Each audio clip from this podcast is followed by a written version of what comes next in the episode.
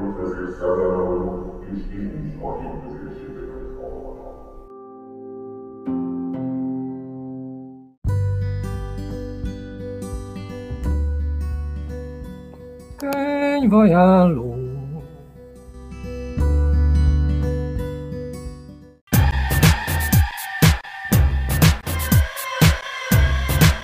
Sziasztok!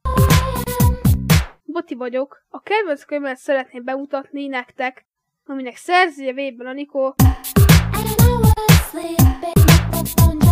és a címe pedig El fogsz tűnni.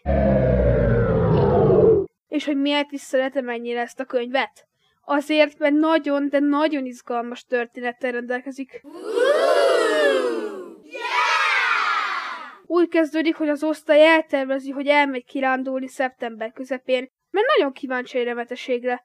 Először teljesen normálisan mennek a dolgok, de az első nap éjszakáján az osztály kiterveli, hogy megtréfálja Levit és Annát, akiket azelőtt is kicsúfoltak.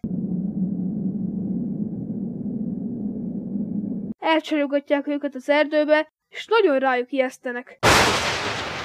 Utána minden a feje tetejére fordul.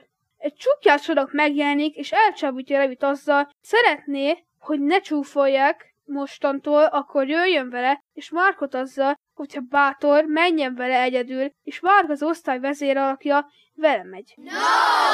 A harmadik Anna, akit nem találnak sehol, aki az ijegységtől elszalad, megbottik és beleesik egy tóba.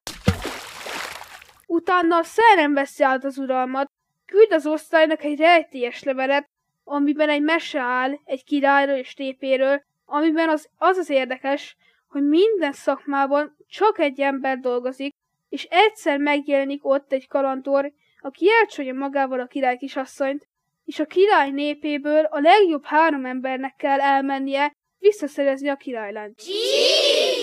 Tehát a lényeg az, hogy három embert kell választaniuk a foglyok kiszabadítására. Az osztály Zsuzsit, aki lassú, de okos, és akiről kiderül, Atit mindig vezér szeretett volna lenni, és most bizonyítani akar, és világot, aki nagyon bátor, választja. Ők hárman lemennek egy kútba, és bejutnak Vajon sikerülne neki kiszabadítani a foglyokat? Kiderül ki az a csukjás? El tudják kapni?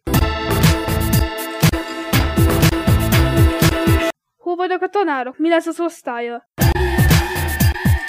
Ha elolvasod a könyvet, megtudod, és olyan izgalmakban lesz részed, amiket el nem tudsz képzelni.